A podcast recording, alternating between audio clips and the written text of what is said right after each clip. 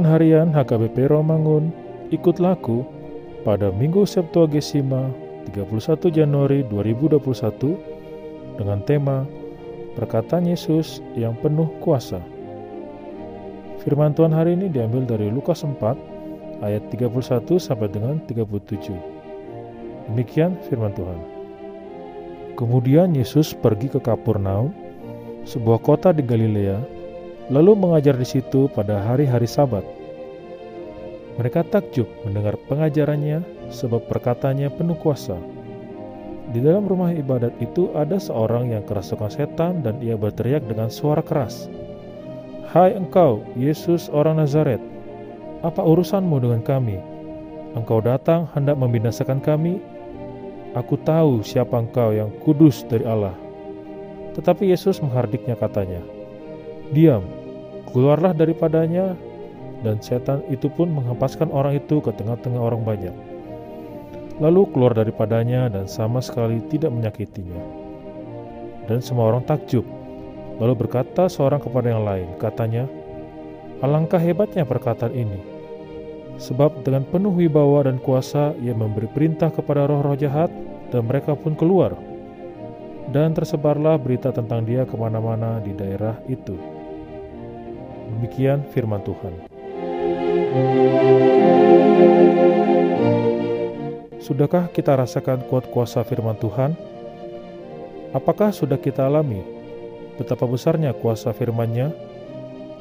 Mungkin kita sedikit kesulitan untuk menjawab pertanyaan ini. Karena kita kerap kesulitan mengartikan kuasa firman Tuhan itu seperti apa di dalam kehidupan ini. Oleh karena itu, firman Tuhan pada hari ini akan menghantarkan kita pada sebuah kesimpulan bahwa firman Tuhan besar kuasanya. Setiap orang yang percaya kepada kuasa Yesus dapat menang atas semua kekuatan setan. Yesus tidak hanya memiliki kuasa membuat langit dan bumi, tapi juga memiliki kuasa memelihara segala sesuatu dari kerusakan. Dunia yang kita diami sekarang akan hancur jika bukan karena kuasa dari Yesus. Setiap hari kita diizinkan hidup di dunia ini karena kuasa Yesus. Hari ini kita diajak untuk merenungkan kembali setiap aktivitas kita di hari yang lalu. Sudahkah kita membuka hati kita untuk menerima kuasa firman Allah? Sudahkah kita menjadikan firman-Nya sebagai penuntun langkah kehidupan kita sehari-hari? Sudahkah kita membuka setiap hari-hari kita dengan membaca firman-Nya?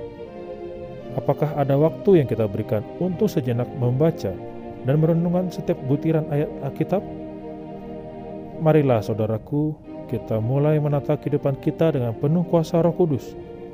Mari kita memulainya dengan membaca firman Tuhan setiap hari dan tentu menyatakannya di dalam lika-liku roda kehidupan ini. Amin. Mari kita berdoa. Ya Tuhan, firman-Mu menyejukkan hati kami. Biarlah firman-Mu yang berkuasa dan bekerja di dalam kehidupan kami. Amin.